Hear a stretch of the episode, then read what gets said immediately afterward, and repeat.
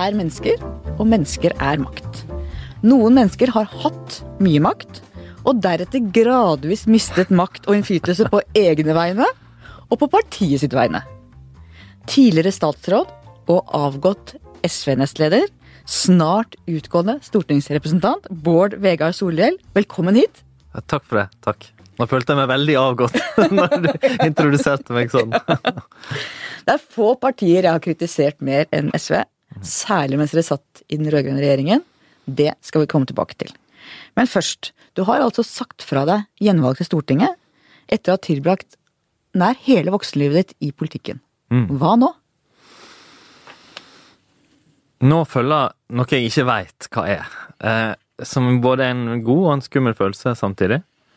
Jeg var veldig bestemt på nå at når jeg slutta med politikk, så skulle jeg først ta valget. Om jeg virkelig liksom vil det og brenner for det og har det samme som det er det som dominerer, og det er det jeg vil. Eller om jeg kanskje ikke hadde så helt det samme liksom, ønsket om det. Uh, og at det ikke skulle bli sånn at jeg bare sklei over pga. at det skjedde noe annet. Så jeg, Tilbud fra First House, eller? ja, sant, et eller annet sånt. Så nå er det liksom det valget jeg har tatt nå. Det er som du sa, jeg har jobba med politikk i 16 år. Jeg har riktignok bare sittet på Stortinget i to perioder, åtte år. Det er egentlig ikke så lenge. Men likevel så har jeg nå funnet ut at eh, ja, der jeg er i livet, og der SV er, så er det bra for meg å gjøre noe annet. Kommer du til å få kjærlighetssorg, tror du? Ja, det er jeg 100 sikker på. Kjenner du litt på det allerede? Ja, vet du hva, jeg, jeg, jeg var litt den kvelden når jeg hadde sagt fra og meldt det ut, og så kom det enormt med meldinger og tilbakemeldinger, så, så kjente jeg faktisk på en sånn tristhet. Angra du litt da, eller? Nei, jeg vil ikke kalle det anger. Det var mer en litt sånn melankoli, skjønner du. Sånn, eh, altså, at jeg, jeg ble litt sånn til å tenke på hvor, hvor viktig det her har vært for meg. Ikke jobben, men altså det altså samfunnsengasjementet, det å bry seg om hvilken vei Norge og verden går og sånn, det det har liksom dominert hele mitt voksne liv, fra egentlig videregående tida. Og så har det dessuten vært jobben min, og jeg, jeg, jeg elsker jo egentlig jobben min. Så, så det, var, det var en veldig rar følelse. Samtidig så er det du vet, kan, Av og til kan du kjenne inni deg at, at det, nå er det riktig å gå videre. Er det nesten har som å avslutte et kjærlighetsforhold? At det Ja, er slutt, men du er fortsatt litt glad i han, liksom? Ja, og det er litt sånn sant? Du gjør det slutt, og kanskje kan ikke du helt forklare hvorfor det ble slutt, men, men du veit det er riktig. Der er jeg nå. Og det vet du. Ja, jeg gjør det. Ehm, foreldrene dine var også SV-ere og radiser. Hvor var ungdomsopprøret ditt? Nei, altså det, men eh, da tror jeg faktisk skal si at det er ikke helt korrekt. Eh, faren min han er vokst opp i et høyremiljø. Eh, min farfar jobba i Nato eh, på Kolsås. Eh, de bodde i Bærum. Og han har liksom litt sånn, jeg vil si, ganske utprega borgerlig bakgrunn, men ble lærer sjøl. Og nok i et litt radismiljø på lærerskolen. Mora mi har typisk arbeiderklassebakgrunn. Har vokst opp, Faren hennes var feier i Førde og vokste opp der. Ville gjerne gå på skole sjøl, men det var ikke råd til, så jeg er hjelpepleier. Og fra familie der de fleste stemte Arbeiderpartiet. Så jeg tror jeg vil si det sånn at altså, de ble nok gradvis radikalisert mens Gjennom jeg var deg? barn. Gjennom deg var det du som leda? meg. Altså, jeg husker at mamma, eh, mamma var jo veldig fan av Gro. Og Gro mot Kåre, det, var, det dominerte liksom min barndom. For det gikk på TV-en, og vi visste hvem vi var for og hvem vi var mot av dem. Eh, og så var hun veldig mot EU, eh, som mange på Vestlandet var. Eh, og det, det preger nok òg at hun etter hvert vet jeg slutta å stemme Arbeiderpartiet og begynte å stemme SV. For nå er de SV-ere begge to. Det er de, men der var det nok sånn som du sa, at når jeg ble engasjert politisk, så var ingen av de ingen av de var aktive. Sånn at det er nok litt sånn at de ble med i det her litt sånn og, tror jeg, ble påvirka av meg igjen. Til å bli medlemmer av SV etter hvert. Og mamma satt jo en, en periode, hvis jeg ikke husker feil, i kommunestyret i Naustdal, den lille bygda jeg kommer fra. Så hvorfor ble det SV på deg? Vet du hva, det var veldig tilfeldig. Det, det som Var det damer, eller? Ja, altså, det har med det blant annet Ja. Altså, jeg var veldig, jeg var liksom forelska jeg, blant annet, altså, med i SU. Eh, og så starta kompisene mine, eller en, særlig en god venn av meg, et SU-lag. Det er ikke tilfeldig at jeg står på venstresida, men om jeg ble med i SOS Rasisme eller AUF eller liksom Natur og Ungdom eller SU, det tror jeg er ganske tilfeldig. Det var fordi det var et miljø, det ble starta et SU-lag i Førde. Flere av vennene mine var med, og ei jente jeg likte veldig godt var med. Så det, jeg, så jeg tror mange har sånne litt tilfeldige historier. fordi sånn, Hvis vi ser stort på det, det er jo altså, SU AUF, hvor ja, det er ikke så stor forskjell. Og så går du inn et sted, og da vokser forskjellene til Ja, ja, et hav. sant? Ja. Så ja. Og så hadde du ekstrajobb, du var veldig engasjert mot eh, apartheid i Sør-Afrika. Og alle boikotta Shell, og du kom inn, ung gutt, aktiv SU. Og så hadde du ekstrajobb på Skjell stasjon hjemme i Naustdal. Ja, ja sant. Fra jeg var 15 så jobba jeg helger og somre og sånn på Skjellstasjonen i Øst. Var du åpen om dette? Nei, er du gæren? Altså det, jeg, jeg, jeg gjorde jo det der, og så kom jeg bra på mitt første liksom, møte i landsstyret i SU. Litt skummelt. Drar inn til Oslo. Her møter vi alle radik... Jeg var jo en litt sånn streit ung gutt, da. Sant? Og her møter jeg alle de byradikalene med, med svarte klær og palestinaskjerf og alt sånn. Og de, de gikk demonstrasjonstog mot Shell, og, og, grunnen til det var fordi Shell eh, de frakta olje til Sør-Afrika mens det var boikott. Og det var veldig godt begrunna å, å boikotte og gå imot Shell. Til slutt måtte de jo snu. Men det her, her, var jo det ku... Det, altså, dess mer du hadde demonstrert, dess kulere var du. Og hadde du blitt arrestert, det var liksom toppen. Så her fortalte jo alle sine historier da, og om det her Shell-boikotten, og jeg, jeg turte jo ikke si et ord. Det, altså, jeg trodde det ville blitt liksom, i hvert fall kasta ut. Så det, skal jeg si, det sa jeg ikke noe om til noen på ti år. liksom. og Betrodde du da at det en av gangen, eller? ja, nei, det var, jeg sa aldri noe om det, Jesu. Aldri mens jeg var aktiv der. Det var liksom Da jeg ble eldre, så begynte jeg å spøke med det og sånn. Uh, og det, og det det er en morsom historie. Skapskjeller? Ja, men det er en morsom historie, men det sier nok òg noe om hvordan et, sånne små, ganske små miljøer, på sine forskjellige måter, da, kan bli kan bli veldig sånn at vi tolererer bare én ting. og hadde, Jeg hadde jo overlevd om jeg hadde sagt det, men det var da såpass at jeg lot være å fortelle noen om det. altså. Men fortalte du på Skjell at du var med i SU? Ja, det visste alle i Naustdal og sånn. Og det brydde jo ingen seg om. Det her er jo lite bygdesamfunn, og altså, ja, ja, han driver nå med sånt, han, sier da folka. Så det, der, det Altså, bygdesamfunn kan jo være uh, litt forskjellig, men, det, men i hvert fall sånn jeg husker min oppvekst, var det tross alt prega av en sånn avslappahet i forhold til det å være annerledes eller plutselig bli politisk aktiv og sånn. Folk syntes det var litt gøy, bare. Du sa at det var litt tilfeldig om det ble som AUF eller SU eller SUS rasisme. Eh, hva tenker du er den ideologiske forskjellen mellom Arbeiderpartiet og SV nå, etter murens fall, etter alt som har skjedd i verden, og etter at SV mm. har blitt ansvarliggjort i den rød-grønne regjeringa? Da tror jeg vi Først vil jeg si at jeg oppfatter det i dag som glidende overganger mellom eh, både SV og MDG og Arbeiderpartiet. Jeg er ikke av den oppfatning at det liksom er to verdenssyn som, som går mot hverandre. Men det er likevel for meg noen fundamentale ting politisk Etter mitt syn det aller viktigste handler om miljø og energi, der jeg oppfatter at det, det er noen fundamentalt ulikt syn på, på, hvilken måte man skal ta inn over seg eh, miljø- og klimautfordringene, sånn vi ser det i SV, og sånn Arbeiderpartiet ser det. Men nå har jo Jonas Gahr Støre gått veldig mye lenger enn Jens Stoltenberg noen gang gjorde i retning forby klima, kullselskaper i oljefondet, den type ting? Etter min oppfatning har han ikke det. Det er ikke veldig stor forskjell på Jens og Jonas, men det er noen små tegn fra eh, Jonas Gahr Støre og Arbeiderpartiet på eh, forbedring der. Um, det andre er at det er noen um, Altså, Arbeiderpartiet er blitt et i realiteten et sentrumsparti på mange måter i Norge. Et, et samfunnsbærende parti. Mens SV fortsatt er en, et, i, i, sin kultur, vår identitet, en venstreopposisjon. For meg er nok det viktigste Jeg er på venstresida politisk. Det er derfor det er naturlig for meg å være med i SV og ikke i Arbeiderpartiet. Så vil jeg òg vektlegge eh, innvandringspolitikken eh, og andre vil si liberale, frihetlige spørsmål. Der, selv, der går det nok litt på kryss hos mennesker i SV og Arbeiderpartiet. Det er mennesker jeg er veldig enig i Arbeiderpartiet. Men jeg, jeg oppfatter meg selv, jeg kaller meg av og til en frihetlig sosialist.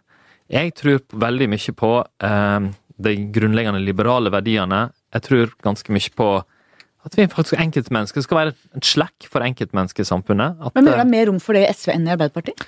Det er jo relativt autoritære trekk i deler av ditt parti. Ja, altså det er, for å si det forsiktig. Ja, det er helt riktig. At, uh, det var derfor jeg begynte med å si at det går litt på kryss og tvers. Men jeg oppfatter nok at litt sånn av, en del av grunnideene på sitt beste i SV ligger mer der enn det de gjør i Arbeiderpartiet. Um, Arbeiderpartiet har jo i veldig stor grad blitt det partiet som hva skal jeg si, bærer statsapparatet og liksom samfunnet videre. Du ser det i tema som overvåking, personvern. Jeg syns òg du ser det i vektlegging av innvandringspolitikken, der, eh, der uh, Arbeiderpartiet veldig sterkt vektlegger reguleringshensyn. Vi vektlegger, vektlegger enkeltmennesker, konvensjoner, rettigheter sterkere. Og du ser det kanskje i litt sånn spørsmål om frivillighetens rolle og sånne ting. Men, men jeg er enig i at det finnes nok de som i SV som ser det her litt annerledes enn meg. Og det finnes folk i Arbeiderpartiet som jeg kjenner meg veldig igjen i de spørsmålene her. Jeg har jo snakka både med deg og andre SV-ere som jeg opplever som eh, altså, de mer fornuftige SV-erne, da. Ja, det er de ord, da, men det er ikke sikkert det er noe kompliment i dine kretser. Men som snakker om at det også handler mye om partikulturen internt. At man føler at det er mer luft i luka i SV enn det er i Arbeiderpartiet. Nå har jo Arbeiderpartiet fått en leder i Jonas Gahr Støre som mange opplever som mer åpen og søkende. Eh, opplever du at det er mer rom for sånne som deg i Arbeiderpartiet nå enn det har vært tidligere i det Arbeiderpartiet vi kjente før? For meg er ikke partikulturen et avgjørende spørsmål. Det, det er Jeg opplever både SV og Arbeiderpartiet Nå kjenner jeg jo de, og, og kjenner Senterpartiet, de tre partiene ganske godt. Alle de tre partiene har en, si, en partikultur som jeg kjenner meg igjen i, syns er positivt. Det er faktisk flere ting med Arbeiderpartiet og Senterpartiet som har imponert meg når vi har samarbeida med dem. Hva likte du best med Senterpartiet? utrolig eh, målrettahet. Altså, de har sine ting som de skal ha til, og de, de er sånn utrolig effektive til å si at en del andre ting, og gjerne litt store ting i verden, som kanskje jeg og du ville synes var veldig viktig, det, det, det kan jeg la skli. Hvis det er de tingene her. Gjerne krig dersom vi bare får landbruksoppgjøret i havn. Ja, altså, jeg har ikke sagt det så sterkt, men det er klart, de har en evne til å være målretta på vegne av sine velgere, og det som er viktigst for dem, som jeg jeg nesten har vært sjalu på i enkelte situasjoner i regjeringa.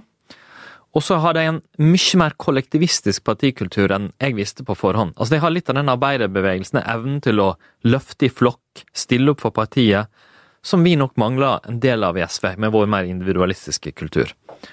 Eh, og da, og da bringer vi tilbake til forskjellen. altså, Det er ingen tvil om at Arbeiderpartiets tradisjon er kollektivistisk og sterkt sånn regulerende for enkeltindividet. SV er motsatt. Men det finnes Det har jo vært autoritære trekk i perioder, og, og ikke minst sånn litt sånn Hva skal jeg si En litt sånn eh, som jeg sjøl innimellom har opplevd, at, du, at, man kan gå etter den som har litt avvikende syn, og at det ikke er akseptabelt å bli debatt om det og sånn. Og, og, jeg tror Arbeiderpartiet, med, ikke særlig med Jonas, vil jeg si, har forbedret seg veldig. Altså, Jeg opplever han som en veldig søkende person som er interessert. Likevel, hvis du ser på for eksempel For min del, da, så har det jo først og fremst så oppfatter jeg det sånn at SV har vært enormt rause med meg, latt meg få lov til å være den personen jeg er. Akseptert at det er det som åpent kjent at jeg har enkelte ting jeg mener som ikke SV mener. Eh, ofte blitt mottatt positivt når jeg reiser, åpne debatter, den typen ting. Så i sum så føler jeg at SVs åpne partikultur har, vært, har, gjort det mulig for meg å fungere godt som politiker på min måte. Også under nestlederstriden i SV i 2007, som var ganske tøff?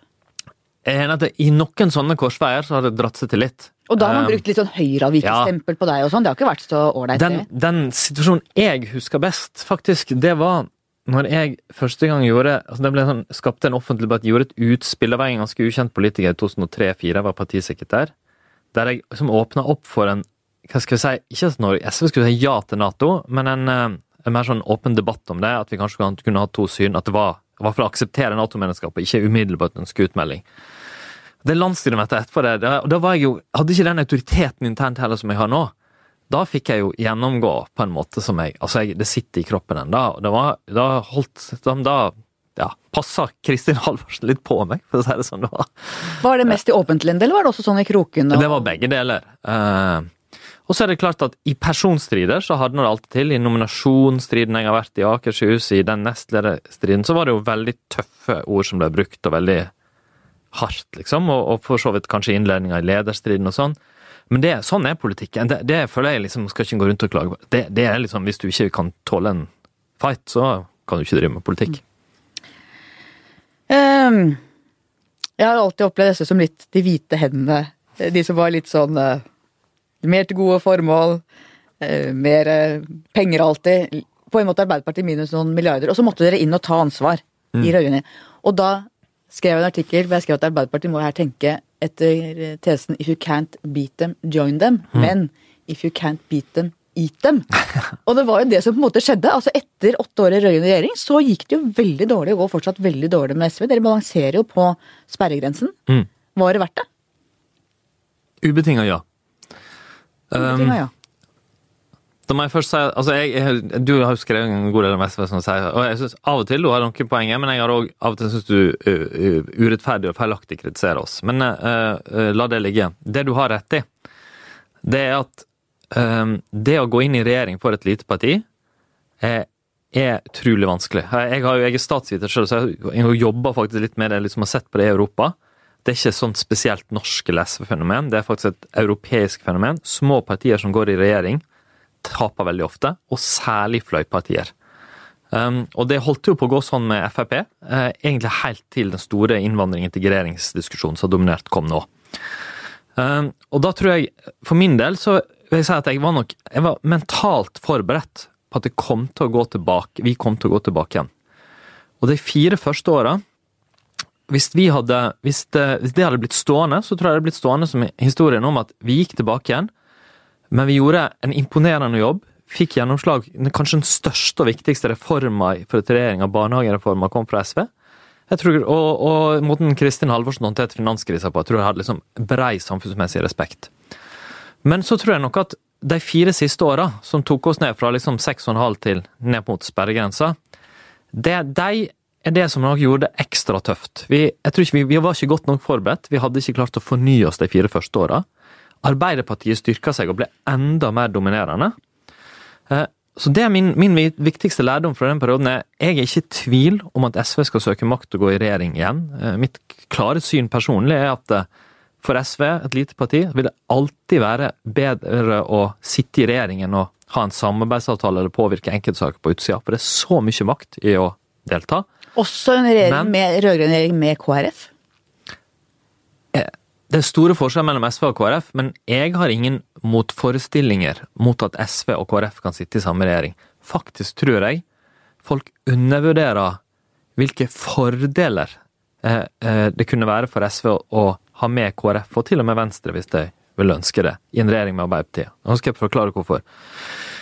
Eh, de områdene der avstanden er størst mellom SV og KrF, der har vi jo Arbeiderpartiet i hvert fall 80-90% på lag. Altså eksempel det spørsmålet spørsmål om uh, abort, eller likestilling, eller sekularitet, eller den økonomiske politikken. Der er det jo tross alt da, bare gradsforskjeller. Arbeiderpartiet er nok mer pragmatisk, men dog. De, de, områdene der det virkelig er tøft mellom Arbeiderpartiet og SV, det er miljø og energi aller mest, og til dels innvandring og en del sosiale spørsmål. Og der er det sammen med KrF? Nettopp. sant? Der er både KrF og Venstre klart mer på lag med SV enn med Arbeiderpartiet. Så, så jeg mener at en, hvis vi skulle fått en regjering i Norge som virkelig klarte å dra Norge i grønn retning, og kanskje litt mer i liberal retning, så vil det være en styrke å ha med eh, Venstre og eller KrF, i tillegg til SV og Senterpartiet. Tror du Audun Lysbakken er enig i det resonnementet du dro akkurat nå? Jeg tror han er enig med det resonnementet i, i, grove trekk. Men så tror jeg at eh, det, det, likevel det ligger en del følelser, en del ting her. sant? Partiet Kristelig Folkeparti er det veldig mange som står til venstre, medlemmer SV og sånn, som, som jeg er sterkt kritisk til på områder som jeg sjøl òg deler kritikken av. Det er bare at jeg har opplevd det, at det går an å jobbe med de menneskene. At det er folk som Knut Arild Hareide og Dagrun Eriksen deler jeg flere ting med enn liksom det som skiller. Og jeg, og jeg tror det, Jeg vet at det uansett er vanskelig å komme videre på en del av de områdene. At det er liksom, og, og, og at eh, Abortkampen er tapt. Ja, de, for KrF. For, for deg så er det en, en, begren, en kamp om å begrense ting. Mens på som miljø så er det snakk om å komme videre på helt fundamentale, store spørsmål. Så jeg mener det er viktigere. Og samme gjelder Venstre. Jeg vet at mange i SV ser jo på, med viss grunn, må jeg si, Venstre som et sterkt høyreorientert parti i den økonomiske politikken. Og har blitt det mer og mer. Mer og mer, og gjennom folk som Trine Skei Grande og Ola Elvestuen de siste årene. Men, men like fullt, der vil det være, der vil SV, Arbeiderpartiet og Senterpartiet være så sterkt, og til og med KrF, ganske uenig med Venstre der.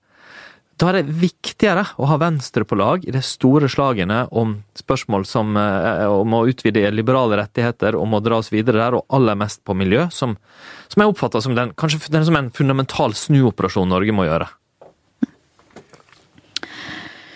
Um, du har skrevet en bok om frihet, mm. om venstresidens svar. Solidaritet på ny. Eh, hva er forskjellen på høyresidens og venstresidens syn på frihet, eller definisjon av frihet, selve frihetsbegrepet? Er det noen forskjell? Ja, det eh, Jeg vil si en betydelig forskjell, men hvis vi, la oss gå til kort til begynnelsen, holdt jeg på å si. Venstresida vokser jo egentlig fram fra den franske revolusjonen. Fra, eh, her Begrepet venstre og høyre kommer jo fra, eh, har sin opprinnelse der. De som slåss mot kongemakta og, og vil eh, ha stemmerett til alle, de sitter på venstre side for kongen.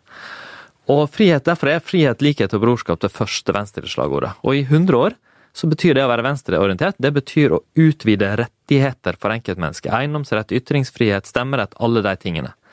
Så kommer klassekonfliktene, sånn den økonomiske dimensjonen inn for fullt. Um, og sånn jeg ser det, så er den, de, den, de frihetene som følger med å ha streikerett og, og, litt, og, og regulert arbeidstid, altså en fortsettelse av den frihetskampen. Så skjer det ulykksalige at um, den kommunistiske delen av arbeiderbevegelsen blir sterk og dominerende mange steder i Europa. Deler av Europa får nå makta, innfører autoritært diktatur. Og det som er en skamplett egentlig på venstresidens historie, sånn jeg ser det. Og fullstendig ødelegger den, den, den frihetlige ideen det. Men det skjer òg det i, i Vest-Europa, at de sosialdemokratiske partiene nok blir så sterkt knytta til statsapparatet, altså går langt i retning overvåking i øh, øh, Mista en del av de frihetlige ideene, og at den kollektivismen dominerer helt. Men sånn jeg ser det, så er altså venstresidefriheten det er en frihet for alle. Altså at frihet kun er reell hvis den ikke bare gjelder de som har økonomiske midler til å utnytte seg med frihet. Og Derfor mener jeg òg, og som mange viktige akademikere og, politikere har argumentert for i mange tiår, skal du ha reell frihet, så må du ha en masse rettigheter og friheter for enkeltmennesket. Men du må òg ha en fungerende velferdsstat, en sterk omfordeling. Ellers vil det være mange som aldri kan benytte seg av de frihetene. Ikke bare mulighetsfrihet, men også resultat. Riktig. Ikke bare mulighetslikhet, men også resultat. Ikke bare frihet fra ulike former for undertrykking, men òg frihet til å kunne benytte seg av en masse muligheter. Og bruke konkrete virkemidler for å faktisk ja. gi de som ikke har frihet. Riktig. Og derfor er en omfattende velferdsstat vi betaler en skatt til det, eller at vi uh, fører en sterk omfordelingspolitikk, det er en del av frihetskampen som utvider friheten til mange. Og Der, der oppfatter jeg at høyresida detter av. At de står igjen i en sånn jeg ser en gammeldags forståelse av hva frihet er. Mm. Verdispørsmål i politikken. Dette har ja, vi snakka mye om. Eh, hvilke verdier kan vi ikke kompromisse på i det norske samfunnet?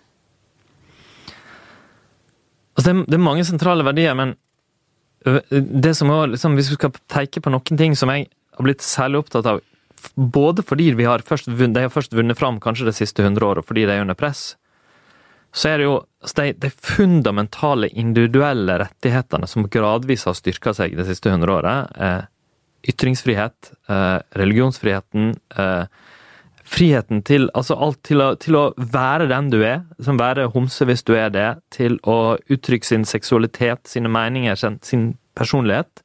Ekstremt viktig. Likestilling. Største, det er jo det største framskrittet Norge som samfunn har gjort de siste 50-100 åra. Det er en fantastisk revolusjon. Umistelig. Og det tredje er sekularitet. Altså, jeg, sant, Norge var en gang et kristent land.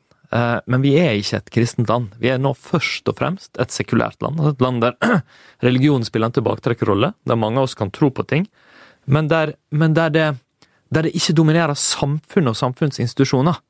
De, blant flere, vil jeg trekke fram som fundamentale verdier som det er like viktig som eh, framskrittene vi har gjort med velferdsstaten og fordeling. Disse verdiene, er de nå utfordret på noe vis? Ja, altså de er det, men jeg, først vil jeg da si at det, vi, det, er jo ikke sånn at de verdiene her er skjøre sånn planter som bare puster litt på deg, liksom. Og sånn som jeg av og til når jeg hører Hege Storhaug, sånn, så kan du få følelsen av at det liksom Vi holder på å dette sammen! ja. Det er jo ikke sant. Det er det motsatte som er sant. Det her er, det står utrolig solid i Norge, det her. Ja. Og når det blir utfordra, så står mange av oss opp for det med sterk kraft. Og, og, det, og hele politiske spekteret. Men det som er sant, det er at uh, de er nok Eh, finnes miljøer eller tendenser til diskusjon rundt det som er eh, viktig å slå tilbake igjen.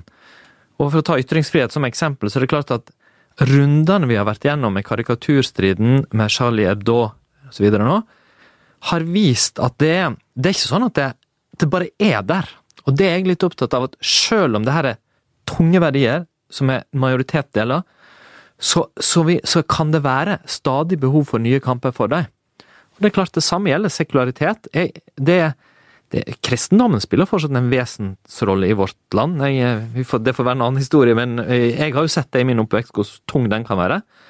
Og nå er islam eh, på samme måte vil, vil spille en rolle for en ganske mange mennesker i Norge. En dominerende influens nå. Og jeg, jeg, har tidligere sagt, og jeg mener veldig klart, at venstresida og vi, alle vi som er, eh, er opptatt av eh, et demokratisk og likestilt Norge, vi har slåss mot mørkemenn i kristendommen i 100 år, og nå må vi slåss mot mørkemenn i islam på samme måte. Og der kommer venstresida ganske seint på banen. For som du sier, venstresida har jo drevet religionskritikk i den forstand man har angrepet mm. kirka og kristendommen. Mm. Men mange har vært veldig forsiktige med å, å kritisere islam fordi man kanskje har tenkt at det er å angripe muslimer, som jo er helt feil.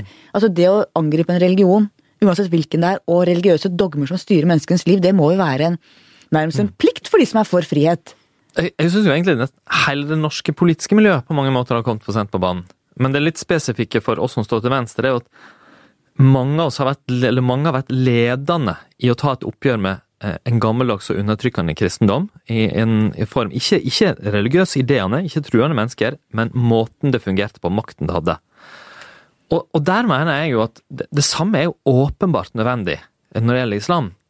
For det første fordi de enkeltmenneskene som er muslimer, de unge jentene og guttene som vokser opp, deres menneskerettigheter, rett til å være homse, til å leve ut sitt eget liv, til å velge sin religion, det er jo like viktig som min og din. For det andre fordi eh, den, den, det synes å være noen som liksom tenker sånn Det må være deres sak, det er trossamfunnets sak. Nei, det er ikke det. Vi hadde jo aldri akseptert, nå er jo jeg medlem av Den norske kirke, men må jeg ikke være det, så hadde du aldri akseptert at Den norske kirke nei, de må få bestemme sjøl om de skal vie homofile eller ikke. Det er jo deres sak. Men det, tvert imot, vi, vi, vi, krever jo å ha innflytelse over det, fordi det dreier seg om masse enkeltmennesker. Og det samme gjelder trossamfunn. Og så tror jeg at det er litt som du sier, at det er en sånn misforstått oppfatning om at hvis vi Altså at man kritiserer man islam eller kristendom eller religioner, så kritiserer Eller ikke kristendom, men kritiserer man islam eller minoritetsreligioner, så kritiserer man minoritetene. Men det er feil. Det her er jo maktsystemer. Det er jo ikke sånn skjøre, uskyldige systemer. Det er svære maktsystemer med masse normmakt og, og annen type makt over mennesker.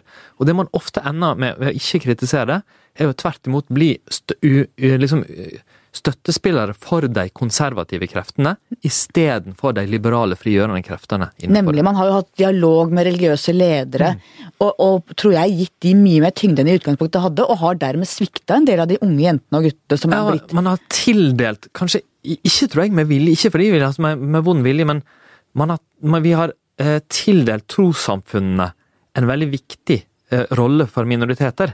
Du hører jo aldri mens liksom en kristen organisasjon representerer Norge eller nordmenn. Hvorfor skal en muslimsk organisasjon representere pakistanere i Norge? Nei, pakistanere kommer jo, er jo alle mulige typer mennesker, og muslimer kommer fra masse ulike land og helt ulike ideer. Trossamfunn er så viktige. Det er veldig viktig at de har gode støtteordninger, at de et, kunne ha et indre selvstyre. Men vi bør ikke tildele dem mer makt enn nødvendig. Det er enkeltmenneskene og deres eh, valg som er det sentrale og den grunnleggende enheten. Er det fordi man har vært redd for å bli assosiert med Frp at man har ligget unna? Har mange på venstresida vært mer opptatt av hvem som sier noe, enn hva som faktisk blir sagt?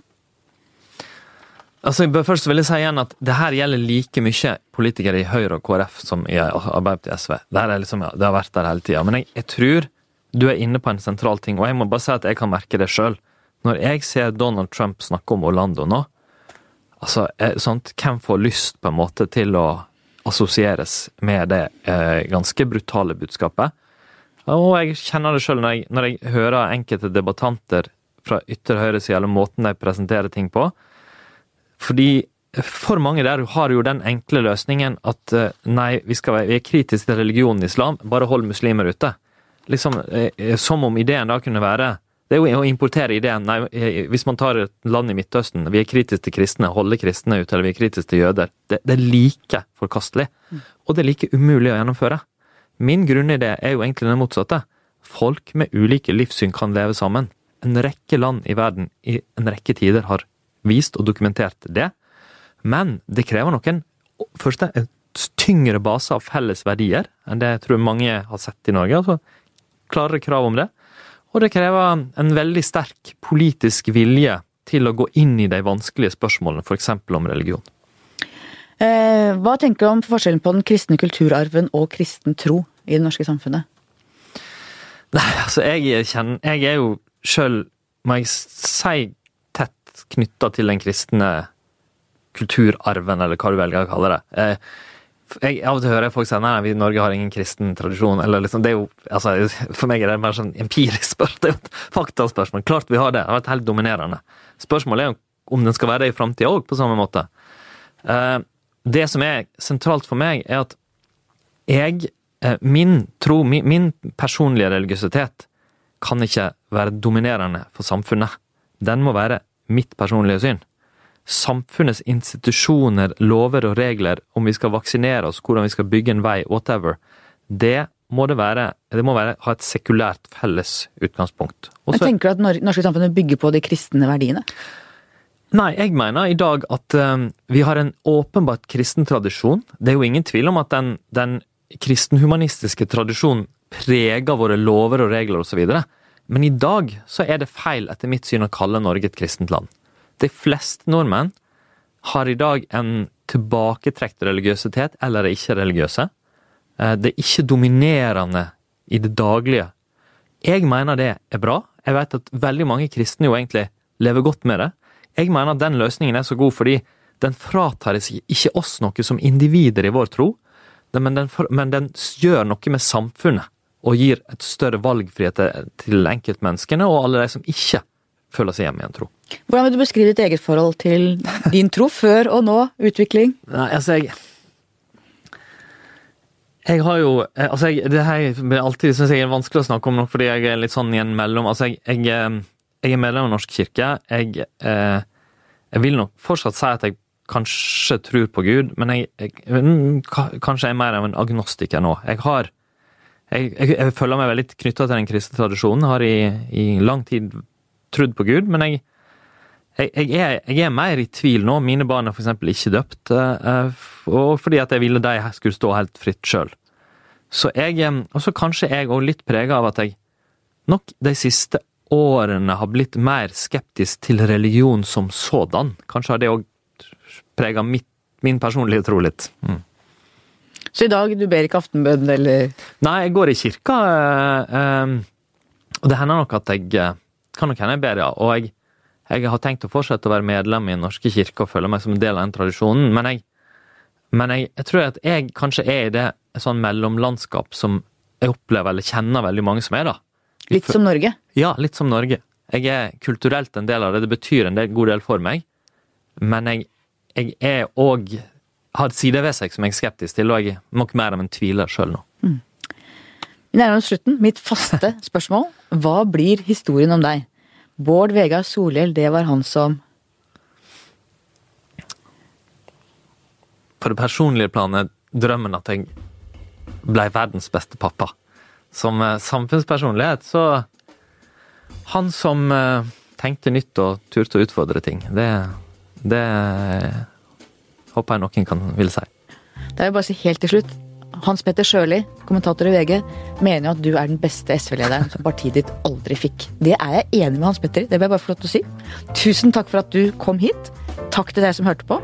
Takk til produsent Magne Antonsen. Vi høres i løpet av sommeren.